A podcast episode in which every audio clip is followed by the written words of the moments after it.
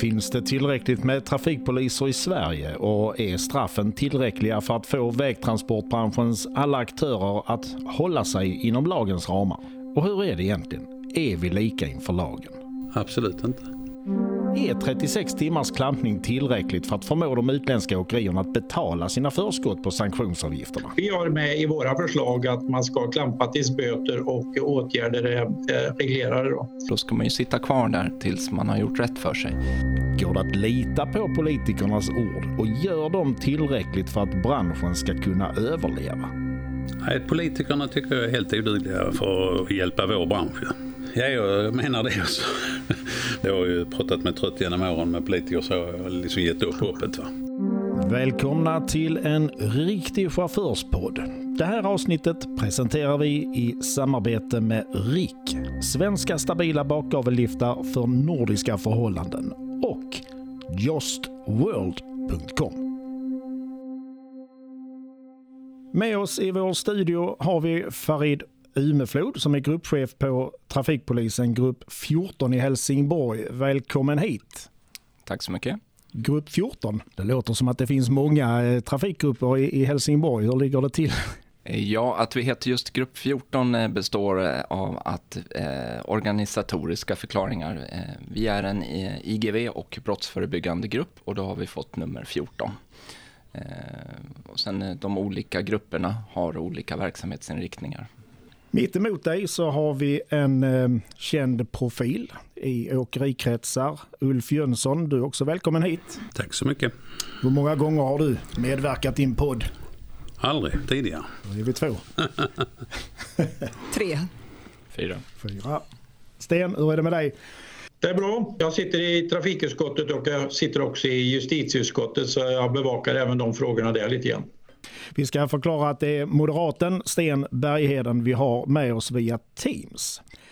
Eh, din yrkesgrupp är väl ganska så eh, känd för att vilja prata, men hur är det för dig? Har du medverkat i många poddar? Ja, det har blivit en hel del och det har blivit eh, både debatter och sammanträden då självklart via webben och det fungerar ju hyggligt bra, det gör det. Det går att att fortsätta samhället framåt så men det, det fattas ju lite mer när man verkligen behöver se saker på plats emellanåt. Så är det naturligtvis. Hur ser det ut på ditt körkort? Har du några tyngre behörigheter? Jag har C-kort men bara för tung lastbil, inga släp. Ja, med tanke på vem som är våra gäster här så och den som lyssnar har ju kanske då förstått vad det här avsnittet kommer att handla om. Och precis som i alla andra proffssammanhang så har jag med mig min högra hand Heidi Bodensjö. Det är kul och tryggt att ha dig med. Hej! Tack! Hej själv! Ska vi börja med några försiktiga frågor då kanske? Farid? Ja? Dig har ju antagligen många kanske sett i eh, de här sammanhangen. Inte minst på våran webb-tv och i våra artiklar då på nyhetssajten. Varför blev du polis? Jag har egentligen alltid haft ett eh, grundintresse för trafik. Eh, när jag sökte till Polishögskolan så hade jag en romantisk bild över att jag skulle vara eh, en polis som eh, hade mycket möten med människor och löste akuta situationer och gav kloka medskick och skulle hjälpa till att göra samhället bättre. Eh, jag jobbade i ingripande verksamheten under eh, några år och det var lite grann av den romantiska bilden som, eh, som jag hade haft eh, innan jag sökte till Polishögskolan. Hur, hur blev det då? Ja, åren, eh, åren eh, gick eh, och det blev i och för sig inte jättemånga år, men det, mycket av det som, som blev ens vardag var rutinmässigt, alltså mm, rutinärenden. Jag kände mig inte jättestimulerad i, i huvudet, alltså, så, alltså, man, man hade ju invanda mönster i hur man jobbade och så, och det är nog så viktigt det var, ja, man sökte en utvecklingstjänst på trafiksektionen. Jag kände att det var dags att pröva på någonting annat. Tanken var inte att jag skulle bli kvar där utan jag skulle bara göra nio månader där som en utveckling och sen gå tillbaka. Men det fanns ett eh, erbjudande i den här utvecklingstjänsten. Det var att man fick lov att stanna kvar om man trivdes. Och om, eh, som sagt, om man gjorde bra ifrån sig och då, eh, arbetsgivaren också då trivdes med mm, Jag vet att det hade gått ungefär eh, fyra månader när min sektionschef frågade mig, ja men hur mår du, hur trivs du? Ja, trivs ni med mig, svarade jag då, då kan du beställa papperna direkt för jag går inte tillbaka till ingripande verksamheten. Och det är vi naturligtvis glada för. Ja, så Uffe, många känner ju till din bakgrund, men inte alla. Och för de som inte vet vem det är så kan vi berätta då att du är VD på Börje Jönssons åkeri i Helsingborg. Men varför blev du åkare? Det är en enkel eh, fråga att svara på, för jag är ju född som åkare. Så jag har aldrig varit någon annanstans, aldrig gjort något annat. Jag har gjort allt som man kan göra inom ett åkeri, men jag har liksom aldrig varit utanför det. Så att, sen har ingen har tvingat mig, men jag tyckte det var rätt så kul. Tidvis. Hur länge har du varit åkare? Hela livet ju. Nej men jag startade mitt eget lilla åkeri som vi kallar det, Ulf Jönssons åkeri, startade 1980. Men jag har jobbat i Börje Jönssons hela tiden. Och eh, tog över där också när min eh, pappa gick hem. Och sen eh, mer har jag då startat ytterligare ett åkeri i Sverige som heter Stay Fresh Sweden AB. Sten Bergheden, vi har ju haft en hel del kontakt genom åren. Och eh, Farid och Uffe har berättat varför de valde de yrkesbanorna som de har gjort. Och då, då eh, måste jag fråga dig, varför blev du moderat? Moderat eh, var nog rätt naturligt med tanke på att eh, jag tycker väl att man ska ha en större frihet som människa och att eh, liksom kunna, kunna vara med och påverka sitt liv mer än vad eh, man kan göra idag. Och eh, ja, lite friare liv helt enkelt och eh, det var väl tydligt för Moderaterna. Sen tycker jag om att eh, företag och allt annat ska kunna tjäna pengar, utveckla sig och skapa jobb och allt vad det är frågan om. Och då tyckte jag att Moderaterna var det bästa. Jag är uppväxt också. Jag har föräldrar också som har varit moderater och säkert inverkat men jag är också lantbrukare och företagare i grund och botten vilket har påverkat att jag, jag har sett de som vill trycka åt företagen ännu mer och jag har sett de som försöker underlätta och göra det enklare för företagen och eh, därför har jag blivit moderat i huvudsak. Ja. Ja, det var, det var ju klart jag skojade till det lite grann för jag skulle egentligen fråga varför du blev politiker men du, du svarar ju faktiskt på den frågan med kan jag tycka. Den som har läst våra artiklar, eh, och då kanske speciellt på nätet, eh, har nog inte kunnat undgå att förstå vilka gigantiska problem som finns då inom vissa delar av vägtransportbranschen. Och utan att kanske slå sig för hårt på bröstet så kan man väl tro att utan våra artiklar så hade kanske de problemen varit eh, en väl bevarad hemlighet idag. Ja, för jag tänker på det, för du som åkeri, är, är illojal konkurrens ett stort problem för dig? Ja, det är ett mycket stort problem.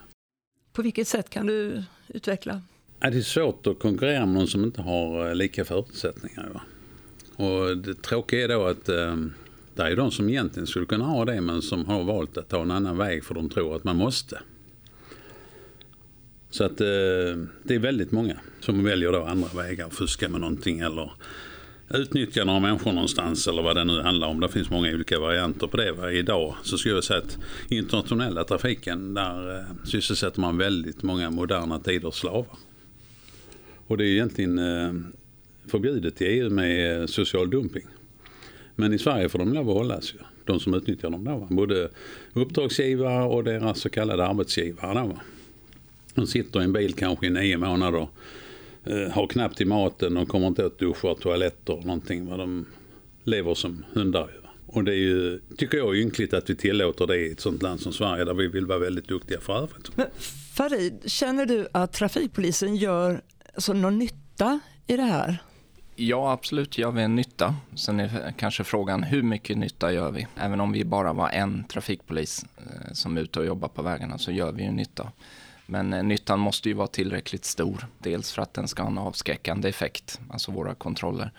Eh, men också ett steg för att bidra till nollvisionen. Men också motverka osund konkurrens och sådana saker. Sten, tycker du att trafikpolisen har tillräckligt med effektiva verktyg för att komma till rätta med det här, eh, de här sociala problemen och transportfusket överhuvudtaget? Nej, alltså för det första så finns det inte tillräckligt med poliser och tillräckligt med resurser till den här verksamheten och redan där har man gjort en eh, nedprioritering kan man ju säga på att utfört arbete. Alltså man, man kan inte få hur mycket arbete utfört som helst om man inte prioriterar verksamheten. Idag jobbar man ju stenhårt mot gängkriminalitet och annat. Det är klart det tar mycket resurser.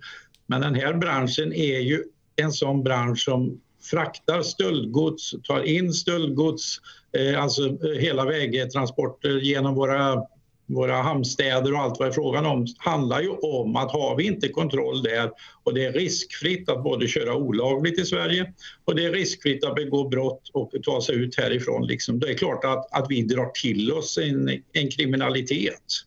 Och jag, jag kan bara säga som en kuriosa, alltså att, att vapen kommer in i detta land är inte konstigt med tanke på att det finns ett värde på, på andrahandsmarknaden här inne på på pistoler och eh, tyngre vapen på ett helt annat sätt i och med att man anv börjar använda det. Och då ökar också efterfrågan på att ta in vapen här i Sverige och då, tar, då smugglar man in sådana vapen och säljer för 30-40 000 kronor ut på gatan. Så det är klart att en dålig kontroll och en otillräcklig kontroll från början bidrar ju till att vi drar hit brottsligheten och de som struntar i regler och alltihop. Så att här måste man börja och sätta ner foten redan från början och tala om att nej, du kan inte komma hit om du är kriminell för då åker du dit.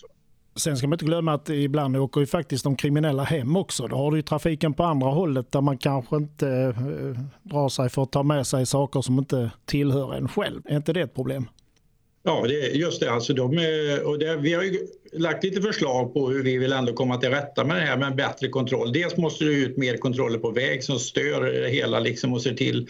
Men sen måste ju också polisen kanske få det måste ju upprioriteras. Idag har vi väl ett, eh, 10 000 kronor som högst i böter liksom för en sån här och ofta de kontroller jag varit ute på så skriver ju polisen upp då kanske två, tre Eh, grövsta brotten när man är ute. Men i själva verket kanske det är sju, åtta olika delar. Och det är klart att här behöver vi höja bötesnivån men vi behöver också se till att de får kännbara straff på om det är många fel utöver detta. Liksom. Och rent fusk. Ja, det är precis som Jönsson tar upp här. Alltså, nej, om vi ska ha en sån verksamhet som innebär att vi har hårda regler här i Sverige men sen har vi, släpper vi in bakvägen andra som struntar i det och kunna konkurrera och, eh, och så har man ingen kontroll på dem. Det är, det är precis som det gamla lantbruket nu, som jag är uppväxt i. Att, eh, där satte vi upp väldigt hårda regler på lantbruket. Jag har inget emot att vi har det.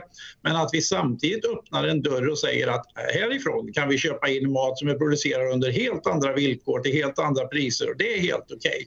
Och det är precis samma sak med, med åkerinäringen. Alltså, har man ingen kontroll, bryr man sig inte om vad man tar in istället, ja, då hamnar ju våra egna åkerier, lantbruk och annat i en konkurrenssituation som är ohållbar. Så är det naturligtvis.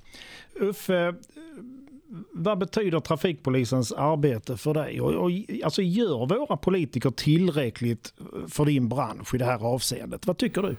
Nej, politikerna tycker jag är helt odugliga för att hjälpa vår bransch. Ja, jag menar det också. Men eh, däremot så jag vill jag emellan här ta en liten fråga till dig Farid. Känner du att ni har rätt verktyg och rätt förutsättningar för att kunna göra ert jobb fullt ut?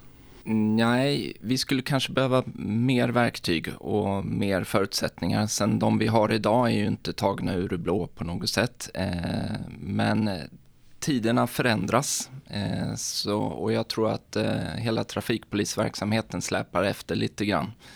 Ehm, så som eh, kontrollerna skedde för 20 år sedan eh, bedriver vi nästan kontroller idag. Sen visst, vi har lite mer moderna analysverktyg för kör och vilotider och så vidare. Men eh, när jag sitter hemma på kammaren och funderar kring detta så, så är det ju fortfarande så att de som fuskar, de ligger alldeles för många steg framför oss. Och vi vet på ett ungefär hur de fuskar, men sen så behöver vi ha arbetsstöd och metoder och utrustning lagliga förutsättningar för att jobba mot eh, sådana här saker. Sen behöver vi eh, utöver det också en, eh, en, eh, en, större myndighetssamverkan. Ibland ser vi ju fusk som kanske ligger utanför vårt sektorsansvar som polisen. Alltså man kan, vi ser ju, misstänker i alla fall olika typer av skatteupplägg som gör att man undandrar eh, skatt och sociala avgifter och så vidare. Men, men det är inte riktigt vårt ansvarsområde till exempel. Ja, jag tänker på det nu, Sten, det som Farid säger här nu.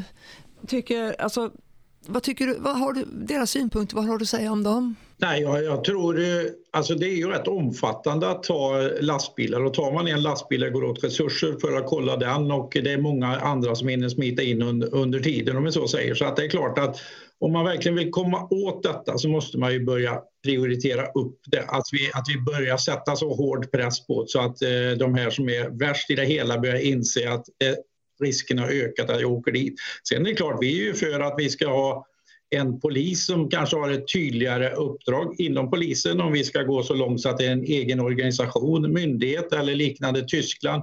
Ja, oavsett så behöver vi ha en, en tydlighet på att vi har en en karriärsmöjlighet inom den här polisen och att det är en, eh, en verksamhet som man inte åker ut på bara för att man inte ja, att det inte är något annat akut för tillfället utan att man faktiskt ägnar sig åt den här verksamheten dagligen och året runt vilket innebär att man får en helt annan erfarenhet och vet vad man ska slå till och man vet också hur man ska utföra alla kontroller på ett effektivt och bra sätt. Va? Idag har vi ju efter polisreformen gjort att vi har eh, ja, det har blivit utglesat helt enkelt i både kompetens och annat inom, inom polisen på den här biten. Och de som jobbar får slita ännu hårdare. Eh, om man eh, tänker historiskt här så jag har, har ju hört de här orden ganska länge i den här debatten från politikers håll. Då. Att, eh, det låter ju på något sätt som att ni, oavsett vilket parti eh, ni tillhör så är ni väldigt överens om att det finns mycket att göra. Men lik förbannat, alltså när man tittar på hur det ser ut idag så är det ju nästan kaos. Det är ju rena vilda västern där ute. Varför har inget hänt på alla de här åren eh, enligt din uppfattning Sten? Ja, jag kan alltid skylla på oppositionen, men om jag inte gör det så kan jag väl säga att vi tog fram en utredning till, som var färdig 2012 där vi tog fram, jag tror det var tio förslag på förbättringar, bättre samordning, åklagare, klampning och allt vad det var innehöll där. Den var jag ordförande i och den tog vi fram. Alla var överens om att det här skulle genomföras. Om vi nu tittar tio år, eller nio, tio år senare egentligen på vad som har skett i den biten. Ja, det är väldigt mycket vackra ord hela vägen att detta skulle genomföras och utföras. Det är inte mycket av det som har blivit genomfört och vi ser fortfarande inte de tydliga eh, riktningar i budgetar, vilket är styrande till både polis och annan verksamhet. Vi ser inte tydliga direktiv på det hela och vi ser ingen tydlig uppföljning på hur man faktiskt lyckas med den här delen fullt ut. Och det är klart att man har, man har sagt att man ska göra någonting men man gör inte i praktiken och man ger framförallt inte resurser och förutsättningar för det. Vad tycker du om det? Eh, jag skulle säga det jag svarade egentligen alla på din fråga tidigare, vad jag tyckte om polisen. Det gjorde du kanske inte? Nej, kom ju aldrig så långt. Eh, nej, alltså min uppfattning är att polisen är vår bästa kompis på vägen. Va? För de hjälper ju oss att överleva. Va? Men det jag ifrågasätter det är om de verkligen har rätt mandat och får rätt uppbackning när de gör sitt jobb. Va? Jag har ju hört många skräckhistorier där någon polis har gjort ett jävligt bra jobb och sen behöver han ha eh, uppbackning av åklagaren för att kunna gå vidare i detta. Så säger han nej, nej, fan släpp han, lägg ner det vet du, det är för låga straffsatser. Va? Och om jag sätter mig in då i polisens situation gör jag det jobbet en gång till då för att få samma jävla dumma svar? Vi ska Nej. faktiskt komma in på det lite senare så att eh, eh spara på kruten då Uffe för att den, den behöver du sen. Hur ser er personal ut? Alltså hur, eh, hur ser tunga gruppen ut i Helsingborg? Är den tillräckligt stor eller vad hade det betytt för er och, och kanske för samhället? Om det hade varit dubbelt så många eller tre gånger så många? Eller rent av en tung grupp till? Ja, jag ska försöka hålla den frågan i, i huvudet, men jag skulle ändå vilja haka på vad, vad Sten avslutade vid, just det här med nedprioritering. Och då måste jag också i det här sammanhanget säga att jag är en lärling, jag är en lärjunge i det här. Jag har inte varit med så himlans eh, många år i den här branschen. Hur länge har du varit med? Eh, jag är inne på mitt åttonde år. Eh, men eh, jag har ju många medarbetare som har varit med i betydligt många fler år än så. Och då pratar vi åtta år i trafik. I trafik, ja precis. Ja. Men eh, sett över tid så har ju trafikpolisen minskat. Och när det gäller kontroller av yrkestrafik så krävs det lite bakom pannbenet och eh, mycket utbildningar och erfarenhet. Man brukar säga att den, den duktigaste och den snabbaste av dem tar, går ungefär fem år tills man självständigt kan stå och hålla i en kontroll oavsett vad, vad ärendet omfattar. Men ungefär tio år brukar det ta eh, innan man kan verka fullt ut och stå helt och hållet på egna ben. Och det är ju så att när det tunnas ut, när eh, medarbetare eh, som når pensionsålder Eh, när de är fler än nytillskotten så sjunker ju bara siffrorna. Googlar man eh, det på, på internet så kan man ju hitta diverse olika staplar på hur vi blir mindre varje år. Och det är, just i den delen så finns det ingen quick fix i att bara, ja men vi anställer fler folk så. Ehm. Kan det vara lite så med som i, när man pratar om miljö, att, att liksom man, man når liksom en, en, eh, en puckel, mm. där, sen går det bara utför. Och jag tänker då närmare på att när, när erfarenheten försvinner så måste det gå ut över lärlingen. Mm. Ja, jo men lite så är det, men frågan är... Jag, jag har arbetat på flygplats innan, eh, där med begreppet point of no return. Säg att flygplan är för tungt lastat och sen drar det igång på, på startbanan. Och det finns en punkt på startbanan där det är ingen idé att bromsa för att du kommer kasa av ändå om du inte klarar av att lyfta. Då har man passerat point of no return. Det var lite det ordet jag sökte innan. Frågan är då om trafikpolisen har passerat point of no return. Jag vill inte tro det.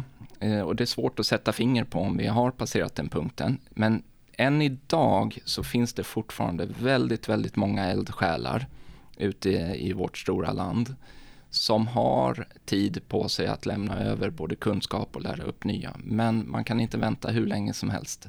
För det som är, som är i min grupp eh, och i Helsingborg, man, de, de flesta medarbetare jag började med, de har gått i, i pension. Eh, Sören Johansson eh, var, har ju gått i pension. Han var en av eh, de som inspirerade mig till att börja arbeta med eh, tung trafik. Sen har vi inte sådär jättemånga kvar av det gamla gardet. Nu har vi några i mellanskiktet, men eh, tiden är ju som vatten under broarna. Det bara rinner och det går fasligt fort. Och sen är det så att Helsingborg, för att nu svara på din fråga, där, om det hade hjälpt om vi hade varit en grupp till. Ja, nej, jag skulle inte säga att det hade gjort det. Eh, då, då, låter det nästan som lite motsägelsefullt. Men varje dag så passerar det mellan 6 till 10 000 tunga fordon ute på E6 varje dag. Vi hinner kontrollera knappt en bråkdel av en promille av alla de där fordonen. Eh, Häromveckan stannade ett fordon. Eh, det ärendet, eller den lastbilskontrollen, tog hela dagen. Ett, ett, en kontroll. Och det är, jag brukar jäm, eh, jämföra det med att eh, om man stoppar ner handen i en, i, i, i, en skål med, med lappar och sen är det kryss på tio av de lapparna och det är 8000 lappar i den här skålen, alltså antal fordon så kommer man inte behöva känna sig särskilt rädd av att man tar upp en lapp med ett kryss på. Eh, så att folk kör, eh, många gånger märker vi att folk kör inte omvägar för att undvika vår kontrollplats. De ska bara himla otur att vi valde just dem den dagen. Så det är business as usual. Sen är eh, hela Helsingborg är ju en transporthubb, så det är, det är mycket transporter och rörelser som sker som inte går förbi kontrollplatsen. Ja, nej, för jag tänker på det här med allt fusk. Och du sa innan att eh, en del tar ju till fusk för att klara sig i konkurrensläget som det är nu. Eh, men vad använder du som främsta konkurrensmedel för att hävda dig mot så kallat billiga transporter om du nu vill avslöja någonting utav det? Jo, det är att eh, leverera en bättre kvalitet än vad andra gör som, och en bättre miljö grej då vad det gäller transporterna för att kunna motivera en lite högre kostnad. Vill kunderna betala för detta med tanke på hur pass mycket billigare de andra är? En del börjar, jag brukar allvar med den nu, frågan om miljö och de här grejerna har varit med i ganska många år. Va? Och det var de ena fram till man konstaterade att det kostade någonting. Då försvann ju den frågan som en avlöning ungefär. Va? Men eh, nu när det blir liksom mer att det ska redovisas miljöbelastningar och grejer på de olika produkterna, då kommer ju transporten in i fokus igen. Va? Samtidigt så är det många som ljuger om sin, eh, sin miljöredovisning. Men vi har ju till exempel varit fossilfria sedan 2013. Jag har ju varit helt jävla värdelös på att berätta det för någon. Ingen kan ju gissa att jag har varit det. Va? Så det är först sista året jag har börjat marknadsföra det på bilarna. Att de är antingen Euro 6 HVO-powered eller så är de Euro 6 gas-powered. Nu har jag snart en elbil också igång, en tung bil då. Va? Men, men talar inte jag om det kan ju ingen annan veta. Då. En, en fråga i det här sammanhanget. Har du någon gång känt ett sug efter att själv trampa utanför lagens ramar? Nej, jag har inte vägat på det sättet. Jag har fått lära mig eh, från början att eh, kan man inte göra det på rätt sätt, då ska man skita i att göra det. Va? Då får man göra någonting annat. Va? Kan jag inte göra saker och ting på rätt sätt får jag göra någonting annat. Och det är jag glad för att jag har blivit vägad på det sättet. Gör livet enklare för mig på ett sätt. Vad säger du Sten, den typen av åkare som Uffe representerar som har den inställningen, är det ett föredöme? Ja, det är klart det är. Det är ju, det är dit vi vill. När man sätter upp lagar och regler så, så ska det ju liksom följas. Annars är det ju meningslöst liksom att man har lagar och regler. Och då måste ju samhället ta på sig ansvaret och se till att plocka bort de som inte följer detta. För annars så hamnar vi i den här situationen. Och sen är det fler saker som jag tycker som moderat att man behöver titta på för att stärka konkurrenskraften ytterligare för svensk åkerinäring. För att vi har ju vi, vi, vi får ju in skattepengar på svensk åkerinäring också. Det får, kommer vi, får vi inte alls på samma sätt eh, när utländska chaufförer och åkerier kör här. Så att det, det, handlar ju liksom om att vi vill ju faktiskt att de ska tanka i Sverige, vi vill att de ska betala skatt i Sverige och då, även om då företagen som anlitar de här mindre seriösa bolagen eller chaufförerna tjänar kanske en, en kort hacka på att de har fått en billigare transport så förlorar ju Sverige som helhet på det. Att vi tappar bort skatteintäkter och allt vad det är frågan om. Och därför måste ju samhället då vara beredd att faktiskt sätta av resurser så att vi kan kontrollera upp detta. För jag tror att det till och med är en, en bra affär för Sverige att, att verkligen gå igenom detta fullt ut. Mm. Jag saknar återigen, jag vill ha med mig alltså en budget för vad man vill göra, tydliga direktiv till vad man ska göra och att man också gör uppföljning. För det är det som jag tycker saknas så mycket, att man Svensk riksdag fattar oerhört mycket lagar och regler och alltihop men man följer upp det dåligt och ser hur det verkligen fungerar där ute sen om man behöver justera upp. Om vad, är, vad är bristerna och alltihop. Och den biten hoppar man över. Man tror att man har löst det med att bara dela ut mer pengar och direktiv och sen eh, struntar man i uppföljningen. Eh, om vi ska gå tillbaka till polisens kontrollverksamhet så är det inte sällan att vi då på tidningen får höra och läsa kommentarer på Facebook bland annat om att eh, ni hellre eh, stoppar eh, svenska lastbilar med för många lampor eller ni sätter dit någon som har kört två minuter för länge och så här. Känner du igen dig i den kritiken? Eh, nej, egentligen inte. Eh, men jag vill också göra ett medskick där jag ska försöka balansera mitt svar. Eh, om jag ska vara fullt så ärlig så tror jag att vi egentligen stoppar alldeles för många utländska ekipage, i alla fall i Helsingborg. Eh, vi borde egentligen stoppa mer svenska ekipage. Eh, och anledningen till det är ju att vi behöver ha en allmän preventiv eh, effekt. Det vi ser många gånger när vi väljer rätt svenska företag, oftast de här eh, som flyger under radarn, så får vi oftast bra träff. Sen är det inte alltid det vi ser under en kontroll något som ligger inom vårt ansvarsområde. Då känns det som att vi hade gärna varit en hybrid mellan polisen och skattemyndigheten och ytterligare myndigheter och Arbetsmiljöverket och utstationering och allt vad, vad kan tänkas. Så. Eh, man, ska, man, man måste ha en känsla av upptäcktsrisk. Så det räcker inte bara med en tung grupp. Det räcker kanske inte med två tunggrupper i Helsingborg. Vi behöver vara fler. Eh, alla ska känna en rädsla, missförstå mig rätt, eh, över att bli kontrollerad för att man ska känna sig motiverad för att göra rätt. Ehm, det här med, det här kommer ju, det här, eh, det påståendet att man får böter för att man kört en minut för fort, det har ju funnits med i alla år sedan jag kom in på trafiken. Eh, och, och, så är det ju inte. Eh, eftersom det är en känslig fråga. Vi tittar oftast på en helhetsbild när vi gör de här typerna av eh, kontrollerna. Och är det så att eh, det på helheten eh, ser bra ut och sen har det skett något misstag med, i, i ett mycket dock mindre sammanhang så får man inte böter för det. Men, men är det så att man slirar varenda dag, eh, fyra minuter dit och fem minuter dit, ja då får man nog faktiskt en böteslapp i handen. Du var inne på det själv, du sa att ni stoppar eh, rätt mycket eller kanske majoriteten av dem ni stoppar är utländska. Och, och ni kanske nog, kan jag nog säga, utan att ha statistiken framför mig, men, men ni, ni, är nog den, eh, det polisområdet som har ertappat flest otillåtna cabotage. Är ni cabotagepoliser eller är ni trafikpoliser?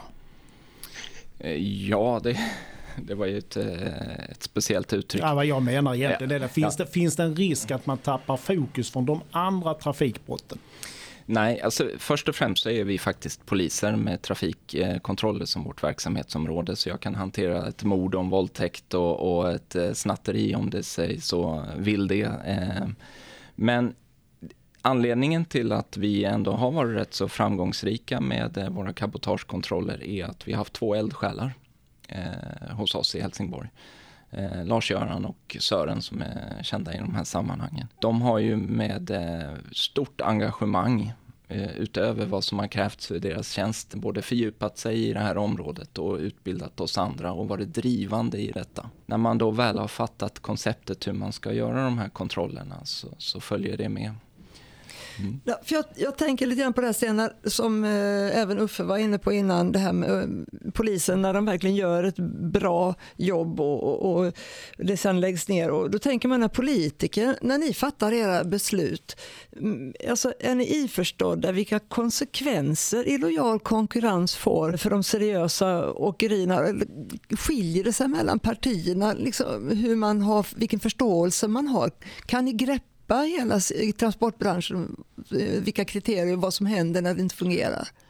Vi gjorde ju den där, eh, ändå alla partier tillsammans har vi försökt analysera problemen med att komma till rätta med, eh, med illojal konkurrens. Och det var ju en hel del, sen tror jag efteråt att man behöver förfina det ännu mer. Man behöver titta över beställaransvar och såna här saker och verkligen följa upp om det efterlevs. För det är ju ändå en grej som sker i det civila samhället också, så att det fungerar. Man behöver skärpa upp klampningen och ge verktyg så att man kan klampa kvar längre. Men om det skiljer någonting mellan partierna? Ja, jag tror att det finns några partier som anser att eh, åkerinäringen ska utvecklas och gå vidare. Även om vi går mot miljövänligare bilar och alltihop så kommer vi ha kvar åkerinäringen och vi kommer att behöva den länge kvar i landet. Och så finns det en grupp politiker som tycker att vi ska försvåra så mycket som möjligt för den här för att egentligen lägga ner verksamheten och, och tvinga över alltihop och med skatter och regler på järnväg eller båt istället. Då. Och det är väl skillnaden egentligen i politiken. Då. Jag tänker på i trafikutskottet, där behandlar nu trafik, transportfrågor. Finns det, upplever du att det finns ett genuint intresse bland samtliga som sitter i trafikutskottet att arbeta med de här frågorna eller finns det de som har hamnat där bara för att de måste vara någonstans? Nej, jag tror att, eh, men det är klart det är väldigt många frågor vi handskas med i trafikutskottet. Det är ju alltid varenda trafikslag, post och allt vad det är frågan om. Liksom. Så att det är ju inte, det är inte bara yrkestrafiken, även om det är ett av de viktigaste områdena varje år som diskuteras. Nej, men det, jag ser väl tydligt också, vi la ju ett förslag på att vi, vi vill göra en konkurrensjämförelse, för vi vill gå vidare på den här diskussionen om hur vi kan stärka upp konkurrenskraften också på svensk åkerinäring kontra den andra delen. Om vi släpper in Uffe här, vad, ja vad, vad, hade det varit det bästa i, i, i det här? Hur, hur hade man kunnat eh, genomföra en sån? Ja, det vet jag inte riktigt. Jag har ju pratat med trött genom åren med politiker så jag har liksom gett upp hoppet. Va? Hur, hur hade man velat att politikerna skulle jobba för att förbättra konkurrenssituationen? Ja, men det är att man kunde följa upp de lagar och regler vi har till att börja med innan man stiftar nya. Va? Och ge polisen möjlighet att verkligen agera. Och jag, jag, om jag har varit polis och jag gör ett jättebra jobb så, så måste jag prata med någon annan för att kunna liksom verkställa det. Och så, men, skit i det, släpp han vet du. Mm. Jag hade ett jättesvårt att motivera mig till att stoppa nästa bil om jag ska vara ärlig. Ja, det kan jag ju också kanske. För det är väldigt många eldsjälar hos polisen jag har träffat genom åren. Va? Men många kastar ju in handduken. Va? Och vi pratade om Sören innan. Sören och jag är lika gamla. Va? Vi känner honom sedan, sedan tonåren. Va? Han gick ju i pension. Han var inga 65. Ja. 62 väl eller något sånt ju va. Varför gjorde han det? Jag har inte pratat med honom om det men jag kan dra min slutsats. Jag har sett honom under många år och pratat mycket med honom. Jag tror motivationen tröt ju till slut va. Man får inte gehör för ett bra jobb va. Någonting som vi har jobbat med och försökt undersöka det är det här som jag brukar kalla för de 100 cabotagemiljonerna. Polisen fick ju 100 miljoner fördelat på fyra år för att eh, stärka sitt arbete mot otillåtet cabotage. Farid, hur, hur har ni märkt av det här tillskottet på eh, 25 miljoner per år? Eh, jag personligen har inte sett eh, eh, det här tillskottet i min verksamhet. Jag kan inte svara för hela, hela Sverige utan jag kan bara svara utifrån mitt perspektiv. Däremot så gjorde vi ju en gemensam utbildning eh, nationellt eh, för några år sedan och den var ju visserligen välbehövlig men den, den, den grodde nog inte så bra i jorden som, eh, som den borde ha gjort. Alltså, vi hade kanske behövt göra ytterligare uppföljningar på det. Och... Det är ju faktiskt den enda kostnaden som Polismyndigheten har redovisat till oss eller berättat om. Redovisningsskyldighet har de naturligtvis inte men men då säger de att den kostar 2,6 miljoner plus eh, logi och vad det nu var. Mm. Men eh, om 2,6 miljoner satte skjuts på den här kontrollverksamheten, vad hade då inte de andra 97 gjort kan man ju då undrar. Ja, det var ju en retorisk fråga som du nästan svarade på själv. Jag läste ju i tidningen här för ett tag sedan var en del av de här pengarna gick ju. Man fick ju utökade resurser till polisen här för ett tag sedan. Så därför har man tagit 40 torskar till som var handlös prostituerade. På ett helt år hade man lyckats med det. Och då är frågan, var det verkligen där vi skulle lägga pengarna? Det är ett problem såklart där. Men alltså, när du har en lagstiftning där det är, är, heter, förbjudet att handla men det är fullt lagligt att sälja. Tänk om vi vänt på det och sagt så har vi med narkotikan också. De står på torget att sälja men fan ta dem du handlar. Va? Ja, liksom, du får aldrig rätt på det problemet då. Va? Man måste ju liksom eh, förbjuda bägge delar. Va? Mm. Sten, tycker du att Polismyndigheten har förvaltat det extra anslaget som det var tänkt? Nej, jag tror att de har ju tryckt in det i den stora budgeten och sen eh, redovisar väl man då, om jag ska vara lite elak då, att man har tagit ett antal eh, lampor på ett antal lastbilar och talar om att det är kontroller av yrkestrafiken. Men det är ju precis som, som Farid säger att eh, ska man göra en kontroll av en yrkestrafik så handlar det om att du går igenom ett helt, på ett helt annan nivå än att du kollar en lampa och skriver upp att du har kollat yrkestrafiken. Liksom. Så att, eh, jag, jag är jag vet ju lite grann hur polisen centralt jobbar egentligen för att tillgodose oss politiker med rätt material lite grann utan att vi faktiskt kanske ser att det är det som kommer ut på marknaden eller på golvet. Ja, men om vi, om vi pratar om de 100 miljonerna som, som försvann. Alltså, vem, vems är felet? Hur kan 100 miljoner försvinna? Har man inte varit tydlig från regeringens håll och sagt att det här ska pengarna användas till och den här typen av redovisning eh, vill vi ha ut. Idag har man väl egentligen bara sagt att, att man ska peka på effekter och tänkbara effekter av de här, eh, det här extra anslaget. Har man från regeringens sida varit tillräckligt tydlig, tycker du? Eh, ja, ja, ja. Ja, med tanke på att jag inte vet exakt vad de har skrivit i sina direktiv när de delar ut de här pengarna, men det var under fyra år. Och, eh, och de trumfer, trumferar ut väldigt att det skulle vara lösningen på det. Jag har inte sett någon uppföljning på detta. Jag har inte sett hur man har tänkt att gå vidare. Så att eh, återigen är vi där igen att det här är väl rätt in i, det, i ett svart hål i polisens verksamhet som har Sen man ju komma ihåg, alltså man har ju mer bekymmer att ta tag i helt klart i mm. Sverige med polisen. Så att det är klart att polisen har gjort prioriteringar och återigen kanske åkerinäringen och kontroller på vägen har fått stryka på foten. Ja, för jag tänker just i samband med att de här 100 miljonerna utlovades utav eh, det var eh, Anders Ygeman som körde hårt under valkampanjen innan. Var det någon Farid som frågade er om vad pengarna kunde användas till, vad ni behövde dem till och var det någon överhuvudtaget som frågade polisen er om råd vad, vad ni behövde pengarna till? Jag fick faktiskt frågan i förbifarten eh, i kafeterian på polishuset. Du förresten, eh, så. Eh, sen fick jag faktiskt några minuter på att stanna upp och tänka efter, men eh, just där och då så eh, var vi eh, i vårt, eh, lindan av vårt arbete med, med, eh, med de eh, ja. Idag hade jag kunnat ge ett mycket bättre svar än vad jag gav då, men mitt spontana svar då var att vi ska anställa fler folk för att jobba mot detta och att vi ska vara kunniga kring detta. Eh, men då vet jag att jag fick ett, eh, ett, ett resonemang kring, eh, kring problembilden är att det här är ju tidsbegränsade pengar och att efter fyra år så har vi inte lönemedel om vi nu skulle vilja anställa fler folk. Så att det, var inte ett, det var inte ett alternativ att anställa mer folk. Men, i, men idag hade jag nog kunnat lämna betydligt fler förslag. Mm. Sten, kan det komma att satsas fler extra miljoner på kapitalkontroller? Är det någonting som du har hört talas om i, i, i dina korridorer? Jag vet inte om det kommer några mer öronmärkta pengar men eh, generellt sett är det vad man försöker i alla fall har vi lagt högre pengar till polisen av olika anledningar.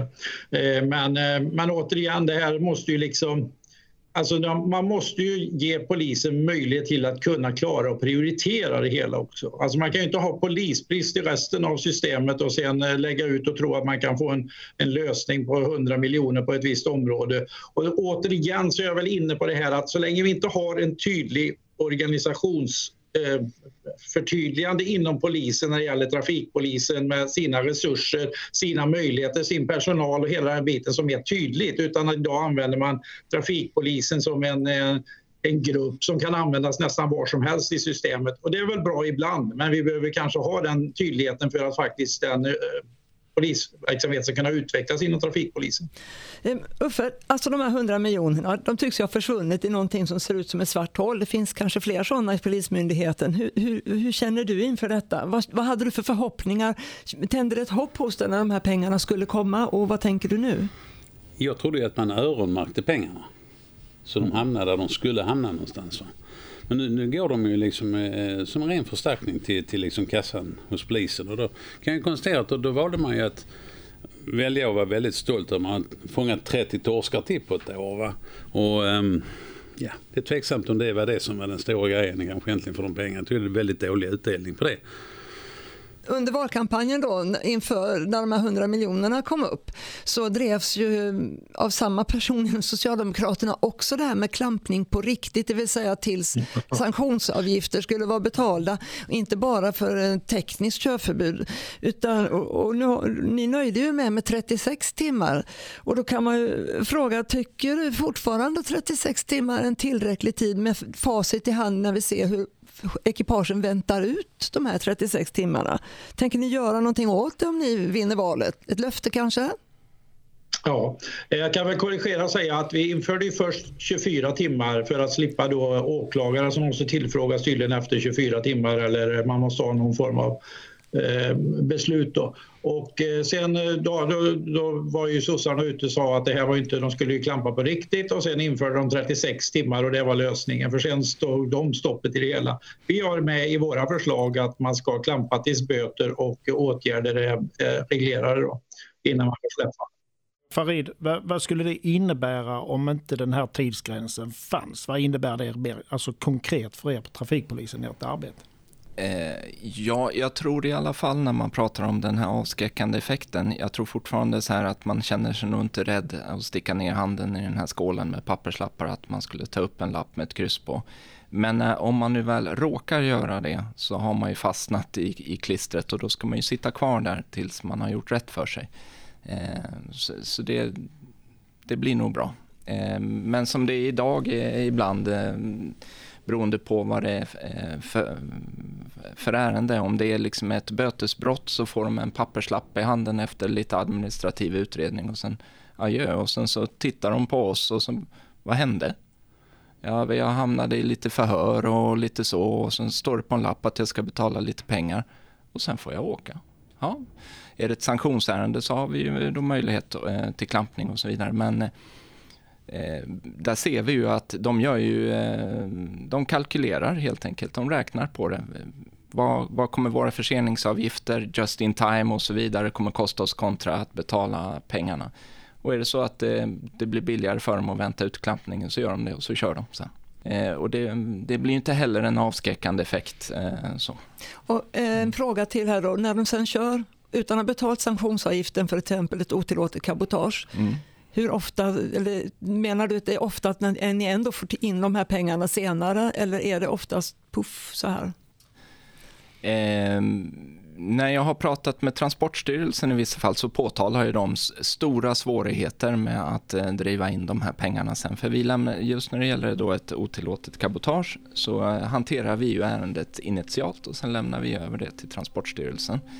Jag vet att de har, har stora svårigheter för att fånga upp eh, sanktionsavgiften i efterhand. Vi fortsätter den intressanta diskussionen här i en riktig chaufförspodd. Ett avsnitt som vi presenterar i samarbete med justworld.com och RIK, svenska stabila bakgavelliftar för nordiska förhållanden. Och nu tänkte jag att vi skulle prata lite grann om eh, åklagarnas roll. Vi var inne på det lite grann innan då. Men åklagarnas roll i det här med att skapa förutsättningar för en schysst konkurrens och ordning och reda som vi har hört några gånger på våra vägar. Uffe, vad tycker du? Är de utländska och de svenska aktörerna lika inför lagen? Absolut inte. Motivera gärna. Nej men det är ju så att eh, det är mycket enklare att ha någon som är etablerad i Sverige, registrerad här och du kan prata med dem och sådär. Så och det är inte polisen som gör det valet utan det är oftast åklagaren då. Va? Och det, det, det, är lite tragiskt tycker jag. Va? För likhet inför lagen borde liksom vara en grundläggande grej. Va? Och det är det inte. Vad är din spontana uppfattning om Uffes beskrivning om olikheten inför lagen? Ja, olikheten inför lagen, det är, alla har ju samma lag. Men sen är ju nästa steg hur den då tillämpas. Och det är klart att eh, en böteslapp i handen på de här personerna och sen kan åka iväg och så hittar vi aldrig dem mer. Eh, det blir ju resultat som inte blir lika inför lagen. Att de svenska åkerierna och de man får tag i, de får betala. Alltså de som är seriösa normalt sett och vill göra rätt för sig. De andra slipper i princip att betala för de har dragit vidare då. Och då är man inte lika inför lagen. Men lagen gäller ju alla, men den tillämpas ju olika på grund av att en del kan smita. Dem. Och vi har väl inte bara problem med smitningarna utan vi hör, hör ju ofta åklagare prata om proportionalitetsprincipen. Vilket innebär att eh, till exempel en EU-medborgare behöver ju inte, alla är vi EU-medborgare, men en svensk kommer ju om han betalar för att fylla in till rättegången medan en person från ett land som ligger österut i EU kanske inte alls tänker återvända till Sverige förrän det är preskriberat. Och då, men han måste ju också släppas. Så att mm. även om det finns en flyktrisk så är det inte alla som vågar, åklagare som vågar använda sig av detta. Och, och just detta med proportionalitetsprincipen. Där har ju bötesstorleken en väldigt stor, spelar, måste det ju spela en stor roll för att man ska, en åklagare ska vilja ta i det. Eller? Ja, så är det. Och, eh, och så länge då böter och straff och påföljder är relativt låga då för den här formen av brott, eh, 10 000 liksom på att köra omkring med en fullständigt olaglig lastbil kanske, eh, då landar det i att de börjar ju snarare kalkylera med de här pengarna när de rullar in. Och eh, dessutom då så, ja, det, det, blir ju inte... Åklagaren måste ju följa upp detta även om det kostar pengar i Sverige så måste man ju komma åt dem. Och det enklaste är ju faktiskt att man att man nyper dem på plats, ser till att de faktiskt får betala innan de lämnar landet på något sätt. Och vi vill ju ha den avläsningen med, med, i hamnar och annat så att vi kan se vad de har gjort där. Har de skött cabotagetiderna? Har de skött även kombitiderna? Då, va? Hur, länge, hur många sträckor har de kört med sitt gods i Sverige? Det är ju hopplöst för polisen ofta ute, eh, ute, ute på vägen att reda ut de här situationerna, liksom hur många laster de har med sig, vad det än är, mycket följesedlar och allt vad det är frågan om. Det är ett tungt jobb, men vi skulle utan vidare kunna läsa av dem i hamnar och kolla hur mycket har ni, vad har ni gjort och hur länge har ni varit där och, och nypa dem på den delen när de struntar i att åka ut i tid. Mm. Eh, vi var inne på att eh, böterna var, var låga och så här. Eh, vad, vad tycker du Uffe? Är de, alltså, alltså, är de straffrättsliga påföljderna är de, är de tillräckligt avskräckande för, för att få dina kollegor att hålla sig inom lagens ramar? Både ja och nej egentligen. Va? Men eftersom vi har så dåliga möjligheter att kontrollera dem så är risken att få det straffet som du skulle kunna få, den är så liten så man kalkylerar den risken. Hade man haft större risk att torska då tror man hade respekterat lite mer. Så det är inte så att böterna är alldeles galna. Va? Men alltså, om vi tittar på det här igen, för likhet inför lagen. Men ta eh, de här kamerorna som står längs vägarna. Hur gör vi med utländska fordon där? Farid, hur, hur funkar det? Eh tänker du på eh, trängselskatt eller hastighets... Fartkameror. Eh, ja, nu är jag ingen ATK-expert eh, så, men jag tror eh, att man, man gör ett diget försök. Eh, så länge det är inom EU så försöker man ju ändå att eh, skicka det vidare och hantera det. Jag vet ju till exempel, vi får ju ofta här i Helsingborg ärenden från Danmark. Så vi har utbyte. Men jag det finns ju i frågeställningen en, en svår problematik kring detta, absolut. Får, får danskarna några frågor från Sverige? Vet ej. Nästan säker. Eh, jag har varit lite i den frågan. Eh, för jag sa till mina gubbar att eh, det är inte i mitt intresse att ni kör för fort. Va? Så bara så ni klart för er vad jag svarar på när jag får de här frågorna om vem som körde bilen. Och det gjorde jag under många, många år. Sen blev det att jag två gånger fick eh, sådana papper där det står att förundersökningen har fastställt att det var jag som framförde fordonet. Va? Och den ena gången var det en lastbil och um, enda likheten på han som körde och mig var väl att vi var lite feta bägge två och vi hade glasögon. Annars var det inga likheter. Va? Så jag ringer ju dit och pratar med någon namn då på någon fru där som skulle ta in de här papperna någon dag. Så sa jag då att har du det i datorn? Jo det hade hon. Kan du ta upp den sidan? Ja, gjorde hon. Så tycker du fult, eller nu är det jag som ringer in som är på den lilla bilden där nere. Tycker du att jag är likadan som kör bilen? Tittar hon på den så säger hon nej. Så jag vet ärligt så tycker jag inte några likheter alls. Nej, så då är min nästa fråga, han kan du skicka den till mig och tycka att ni har fastställt att jag körde bilen? Ja, nu får du lite lugn och fin sa Nu är det inte jag som har skickat, jag bara tar emot svaren då, utan det är en polis som har skickat detta. Jag kan koppla det till han. Nej, skit i det som du kan framföra en hälsning till han. Du jag borde gå till optikern. Men det jobbet han har borde han kunna titta lite på bilderna. Ja, det skulle hon ju hälsa. Och, um, var det inte mer med det. Sen hade jag en säljare som körde land och rike runt i en husbil.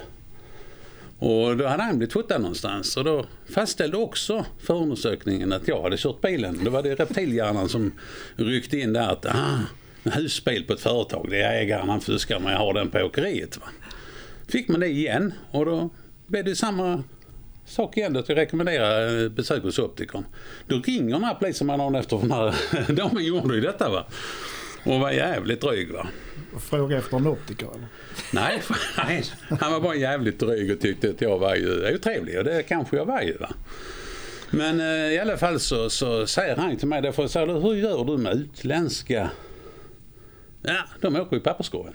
För det är för mycket jobb att utreda det. Alltså det låter jävligt bra, det är ju likhet inför lagen och så. Va? Mm. Och så, du, så du får nog vänja dig vid att jag inte svarar längre nu för nu tycker jag det är nog. Va? För han som körde husbilen, ja, det är inte samma år bara, vi var lika va? så att det finns ju inte. va. Nej, ja, du, vi, vi har ju andra sätt också att ta reda på det. Ja, det tycker kanon tyckte jag. Ska du börja använda dem nu för här blir det min sjätte mer svar. Ja, det har gått ett år och jag har inte svarat. Blev uppringd från en polis som presenterar sig som tillsyningsman för trafiktillstånden. Jag vet inte vad han trodde jag skulle bli rädd då eller vad han tänkte. Va? Men jag var väl lite på dåligt humör så jag frågade honom varför ringer du då mig? Och då tappade han ju lite grann va. Och tyckte att det var det här med kamerorna. Varför inte svara? För han har sett att jag gjorde det förr men jag gjorde inte det mer. För jag har ju lärt mig att jag är ingen nivålag här så jag behöver inte göra det. Va? Och då sa jag eftersom du frågar ordentligt så ska du få ett ärligt svar till mig. Och drog hela storyn. Och tyckte han var jätteintressant. Så säger du ehm, varför ehm, ringde du och presenterade dig som tillsyningsman för trafiktillstånden? Var det för att jag skulle bli rädd eller vad var det? För det hade inte med detta att göra ditt ärende då ju. Nej, det visste han inte riktigt. Men han tyckte det var jätteintressant att prata med mig och jag hade många idéer som han tyckte väl att han köpte. Va? Så han undrade om vi kunde träffas och prata om detta. Nej, så vi har ju pratat om det nu och han visade sig att han satt i Ängelholm. Alltså då känner du Roland, han sitter där också ju. Ja, jag sitter i rummet och sen om, han går in till han berättar han allt om mig så, så behöver vi inte träffas va. Men alltså det är ju jävligt irriterande. För då tycker jag att mina gubbar är trackade nog ändå utan att de ska torska på en kamera men ingen annan. Det tycker jag är fel. Jag tycker alla som åker på kamera ska torska va. Inklusive mig själv va. Eh, jag tänker på det här nu med nedlagda ärenden och att polisen ska känna sig motiverade. Och det, är ju, det är ju faktiskt oftast när åklagarna får det som det läggs ner. Tycker du att åklagare generellt sett har kunskap inom lagar och regler som gäller inom vägtransportområdet? Tycker du att de räcker till den kunskapen vi har bland åklagarna? Det, det jag hör emellanåt är att man, eh, åklagarna försöker eh, skylla på eller motivera sina grejer med att det var inte tillräckligt material där utifrån. Eh, vi kunde inte gå vidare med detta och, vi, och eh, vi, ja, straffvärdet är för lågt och hela den här biten och det är svårt att föra detta vidare och alltihop. Och det tror jag liksom att, att någonstans är det väl bra om materialet är bra där ute men jag tror inte att det är anledningen till det utan jag tror att i deras prioritering hamnar de här brotten så långt ner i rang. Dels för deras verksamhet. Vad kan man göra åt det? Och varför har det inte gjorts någonting åt det? Nej, jag, å, återigen, alltså vill man lösa en sak i samhället så måste man prioritera detta. Man måste se till att alla är på banan för att lösa problemet. Om man, om man tror... Är ni det? Jag, alltså, jag tror ju att det finns en vilja där i politiken att lösa saker och ting men det finns inte uppföljningen därifrån som handlar om budget, direktiv och uppföljning. Där finns det ingen, eh, där finns det ingen kraft kvar längre utan där är det massa snack om att man tror att myndigheter och annat klarar av detta. Eh, och, och, och, fixa. Vill man det från politiken så får man vara ännu tydligare men man får också följa upp. Och man, men det finns inte riktigt det här stora eh, samhällsförståelsen för att det här är ett större problem än att det bara åker omkring olagliga transporter där ute. Det här är ju transportkedjan i inbrott och stölder och, och, och, knark och allt vad det är i landet. Och den har man då liksom inte prioriterat upp fullt ut utan låter detta fortsätta då. Och har då ett antal poliser som, man, eh, ja, som får, får jobba hårt med den här biten, det är klart, men de kan bara skrapa lite på ytan i och med att de inte är tillräckliga många gånger så får man intrycket av att, att ibland är vi med i EU och ibland är vi inte med i EU. Och, och, kanske just när det, det kommer till den här eh, frågan om, om eh, hur man tolkar lagar och, och, och så vidare och, och, vad man har för eh, verktyg för att lagföra eh, fuskare överhuvudtaget. Vi publicerade en artikel den 1 april som handlar eh, om eh, trafikpolisen som hade beslagtagit en bil där man misstänkte dub, dubbelmanipulation. Alltså manipulation av både färdskrivare och avgasreningssystemet. Och dessutom så, så misstänkte man att, att, transporten kunde vara ett otillåtet cabotage. Polisen alltså de beslagtar eh, dragbilen om jag har förstått rätt och eh, eh, åklagaren häver beslaget, alltså bara några timmar senare just eh, med hänvisning till proportionalitetsprincipen, ett svårt ord att säga. Men, eh, och eh, kontentan var det att chauffören knallade iväg och bilen stod eh, till hans förfogande eh, några timmar senare som sagt. Och mig veterligen så kostade det varken åkaren eller chauffören några pengar. Och några veckor efter, jag tror exakt, ganska exakt två veckor efter så eh, skriver vi en, om en liknande händelse eh, i Danmark där Tungvångscenter konstaterar eller misstänker manipulation av en färdskrivare och beslagtar bilen och gör en teknisk undersökning på den och det kommer att kosta åkeriet motsvarande 320 000 svenska kronor. Alltså då, då har vi färdskrivarmanipulation och här hade vi två manipulationer plus ett cabotage. Och åklagaren hävdar att ta bilen i eh, beslag stod inte i proportion. Alltså både Danmark och Sverige är med i EU, men varför är skillnaderna så stora? Varför har danskarna sån kraft i nyporna men inte Sverige? Sten? Ja. Du blev tyst. Ja, ja. ja, ja, jag kan ju bara hålla med om att jag tycker emellanåt att eh, danskarna är mer effektiva på att lösa problemen. Alltså vi i Sverige mer sitter och resonerar om det och, och försöker hitta på lösningar som eh, inte fungerar utan vi vågar inte ta till med hårdhandskarna när det väl behövs. Nej, men sen, sen är ju min erfarenhet detta. Jag, jag har varit i Danmark, jag har hälsat på Tungvångscenter och gjort reportage därifrån. Och vad jag förstår, poliserna där lyfter sina åklagare och, och hyllar dem, alltså för att de känner att de har åklagaren i ryggen. Här i Sverige vad har vi två, två trafikåklagare. En i Karlskrona och... En i Östersund, men jag vill säga att trafikåklageriet var under före Mikael Bäckströms tid.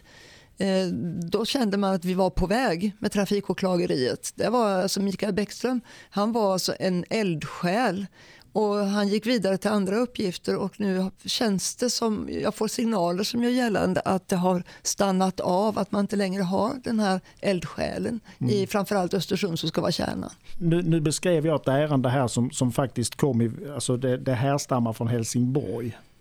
Har du någonting att tillägga där? Alltså var jag ute och cykla eller var, var, det var väl ungefär så det gick till? Va? Ja, jag jag är överlag positiv till eh, offentligheten Sverige och eh, vill vara så transparent som möjligt. Men just det där specifika ärendet kommer jag inte kommentera. Eh, men, men jag kan däremot prata mer generellt sett så utifrån eh, ert resonemang att när sådana här typer eller när, när, när sånt här liknande händer ehm, så är, så är det för mig ett kvitto på att organisationen fungerar inte. Inom polisen så pratar vi oftast när vi brister i våra förstahandsåtgärder, alltså säkra bevis när, när brottet har skett och så vidare, för att det senare ska leda till att någon blir lagförd för brottet. Alltså lagförd, enkelt sagt skaka galler, fast det finns ju såklart fler påföljder än fängelse. Men, eh, men om, om vi nu bakar in hela processen i en kedja så blir ju, eh, blir ju eh, alltså resultatet blir ju av den svagaste länken. Eh, sen vill jag inte peka ut någon enskild eh, åklagare som har fattat beslut i något ärende. Eh, det kommer jag inte göra. Och jag ehm, lägger egentligen ingen kritik till det så, men jag skulle vilja uttrycka det som så att ehm, det hade nog varit fördelaktigt om åklagarmyndigheten hade haft det stöd och resurser för att hantera de här ärendena ser man till miljö och arbetsmiljöbrott så har ju man inom åklagarmyndigheten så som jag förstått det en, en egen avdelning för hur man hanterar detta. Mm. Sten, eh. eh, ja, nu avbryter jag dig lite grann här, men eh, Sten, det som Farid säger här, är det, är det någonting som politiker kan blanda sig i på något sätt? Ja, det har vi redan gjort en gång. I den utredningen jag var med och tog fram 2012-13 så stod det med att vi skulle samordna åklagarna inom den här biten för att dra lärdom och liksom kunna ha ett kluster som lyckas lösa ut de här bitarna fullt ut. Jag tror inte att det hänt. Det hände någonting lite i början uppe i Östersund någonstans vet jag, men sen hände ingenting mer. Och eh, nu har de fallit isär och det är precis som eh, Farid tar upp här. Alltså vi har samtidigt eh, remåklagare som jobbar med miljöbrott och arbetsplatsbrott här i, i Sverige. De är specialiserade. Och har, ja, vi har ju ett, ett känt fall i de lägena när det gäller Hedinfallet till exempel som har, har jobbat med de här Eh, frågor när det gäller artskydd. Då. Men då har man alltså åklagare som är specialiserade på de här delarna fullt ut. Men man har inte prioriterat upp de här bitarna och det här är alltså en fråga som handlar om det är människors väl och ve ut på vägen. Det är knark, det är smuggling, det är stölder, det är, vet du, det, skattebrott, det är allt vad det är frågan om där ute på vägen. Och man har ingen organisation mer än kanske ett par stycken åklagare som är specialiserade på detta. Då. Och det är klart att om polisen känner att vi har ett bra samarbete fullt ut med åklagarna. Vi har kompetenta personer där inne. Vi vet vad vi behöver få med på de här protokollen och alltihop för att det ska gå till fällande dom. Och vi ser också att det går till fällande dom i de här lägena. Det är klart det inspirerar till att nypa de här delarna. Om man däremot lämnar in ett antal försök till att fälla och det blir nedlagt där på grund av bristande kompetens eller dålig prioritering. Ja men det är klart att det tar bort hela arbetsmoralen mm. snart ut vid vägen också att få de här grejerna lösta då. Mm. Jo det är klart. Kedjan hänger inte ihop helt enkelt och då blir det så här. Nej, precis. Det är så här att eh, tiden går och även om vi har all tid i världen egentligen så, så, eh, så känns det som att eh, vi skulle kunna prata om det här i, i flera dagar. och, och ändå, ändå har mer att prata om. Men eh, jag tittar på eh, Uffe Jönsson här. Hur, hur, ser ditt företag ut om tio år? Har du, har du någon sån här utvecklingsplan eller åtminstone sådana ambitioner? Ja, har man väl dock inte på tio års basis för då vet vi inte alls hur någonting ser ut. Det hade man ju förr i tiden men sen har man ju blivit lite luttrad genom åren så man har ett kortare perspektiv på saker och ting nu. Kommer det gå att driva åkeri i Sverige om tio år? Och kanske främst, går det att starta ett nytt åkeri om tio år? Det tror jag nog att det, kan, att det går. Inte? Jo, det tror jag att det går. Du tror det? Ja, jag tror mm. Kommentarer på det, resten av er? Ja, jag, jag, tror lite som Jönsson var inne i början att det finns ändå många seriösa företag i Sverige som vill veta att de har en seriös transport. Och eh, har, har, ser man till att det ligger det. Men det får ju inte bli så att eh, att man blir utkonkurrerad av både eh, dåligt beställaransvar och företag som är beredda på att krypa under, eh, under ribban och, och leva på ett annat och konkurrera ut seriösa företag. För då har vi ju liksom då har vi, då har vi tagit bort vitsen med att vi har regler och lagar i Sverige för att få en viss form av utveckling. Om vi sen öppnar bakdörren och säger ja men det här låter lite spännande, ni kan komma hit och köra, här är inga kontroller och ingenting. Kör så billigt ni kan och sen, eh, och sen slår vi ihjäl vår egen verksamhet. Som sagt, vi ska börja avrunda lite grann eh, och eh, nästa år så är det som bekant eh, dags för ett bland annat riksdagsval igen. Ja, och, ja valkampanjen har förvisso börjat den ju märkas att den är på G men den är ju inte officiellt igång då. Men om vi får dra igång den här, här och nu, idag. Vad skulle du kunna lova att ni skulle kunna ändra på ni, om ni kommer till makten? då menar jag inte bara eh, säga att ni vill ändra utan också lova. Kan du ta ut någonting som, för transportbranschen så du vågar lova att ni vill ändra och ska ändra? Jag, jag tror att eh, vår regering och våra partier kommer att ta ännu mer ordning, med ordning och reda och följa lagarna och att vi i det läget också klarar konkurrenskraftssituationen. Alltså den utredning som jag vill ha igång här direkt för fyra år sedan som inte de har gjort nu, den måste jämföra vad har vi för skatter, avgifter och regler och annat som gör situationen. För att långsiktigt om vi ska klara företag i Sverige så måste vi ha en, en utveckling som innebär att vi inte tappar konkurrenskraft hela tiden. Vi måste faktiskt stärka upp den för att få företag och annat att stanna kvar. Så det kommer att bli en prioriterad sak att se till att vi, har, att vi förbättrar konkurrenskraften för våra svenska företag. Det låter nästan som att du vill starta en utredning. Säg att jag har fel. Vi har, vi har faktiskt beställt den för fyra år sedan för att få en jämförelse. Då var ett enigt trafikutskott, vi körde över sossarna till slut, med på att göra den här. Men sen har de inte gjort den. De har struntat i detta av ett av alla de besluten som har tagits i riksdagen så har de hoppat över att genomföra. Jag tror jag har skrivit om det i tidningen Proffs och lite annat tidigare. Och eh, de har alltså struntat i den här konkurrenskraftsutredningen. För det är klart att då kommer det fram att, att svenska åkerier får betala betydligt mycket mer i skatter och allt vad det är frågan om. Och det är inget roligt att se utan det är bättre att koncentrera sig på något annat då istället. Eh, än att, än att faktiskt, jag tror att det är rätt viktigt om vi ska få förändringar i riksdagen så är det rätt viktigt att svenska folket begriper vad det är vi tänker föreslå och förändra för då får man stöd för det och att också de politiker som sitter i riksdagen begriper att det här måste justeras för att klara det. Vi gjorde ju en sån konkurrenskraftsutredning inom lantbruket. Även den har ju heller inte genomförts efteråt. I den står det att vi skulle öka svensk livsmedelsproduktion. Den togs 2015 eller 2016. Det har inte hänt någonting. Vi har aldrig haft så låg självförsörjningsgrad som vi, haft, som vi har nu som på, på mat i Sverige. Så att på något sätt måste man ju faktiskt vill vi ha företag och annat kvar då måste vi se till att vi bevakar konkurrenssituationen hela tiden och inte försämra. Så det blir en prioriterad. Lag och ordning blir prioriterat. Vi har ju redan lagt fram att vi vill sänka dieselskatten med en krona i Sverige. Om det, och det är bra för dem som fortfarande rullar på, på diesel fullt ut i alla fall och det är för att stärka konkurrenskraften. Jag tror också att både långa och eh, tyngre lastbilar kommer att komma. Och det är ett sätt för att möta den konkurrensen vi har av lättare lastbilar från Europa också. Att vi faktiskt har möjlighet att ta med oss mer vid de här tillfällena. Eh, om man ska ha hårda miljökrav så måste vi också se till att vi, att vi kan släppa fram att vi har med oss gods så att den ändå konkurrerar med, med de andra. Vad säger du om det Uffe? Jag tycker då, när du pratar om dieseln och dieselskatten, varför eh, ska HVO som då är väldigt mycket bättre miljömässigt, varför ska den vara dyrare än vanliga dieseln? Varför måste det vara skatt på den? Ja, jag vet. Det är ingen som kan svara men, på den frågan. Men det handlar ju om bränslet i alla fall. Det handlar ju om att vi inte kan ligga högre i bränslekostnader än vad de andra gör. Om de har med sig 1000 liter i bilen så är det ju en, en dålig konkurrenssituation. Ju. Mm. Men man borde gynna det som är miljömässigt bäst kan jag ju tycka. Eh, I Tyskland har man tagit ett nytt grepp nu. Till exempel kör du gasbil slipper du betala maut.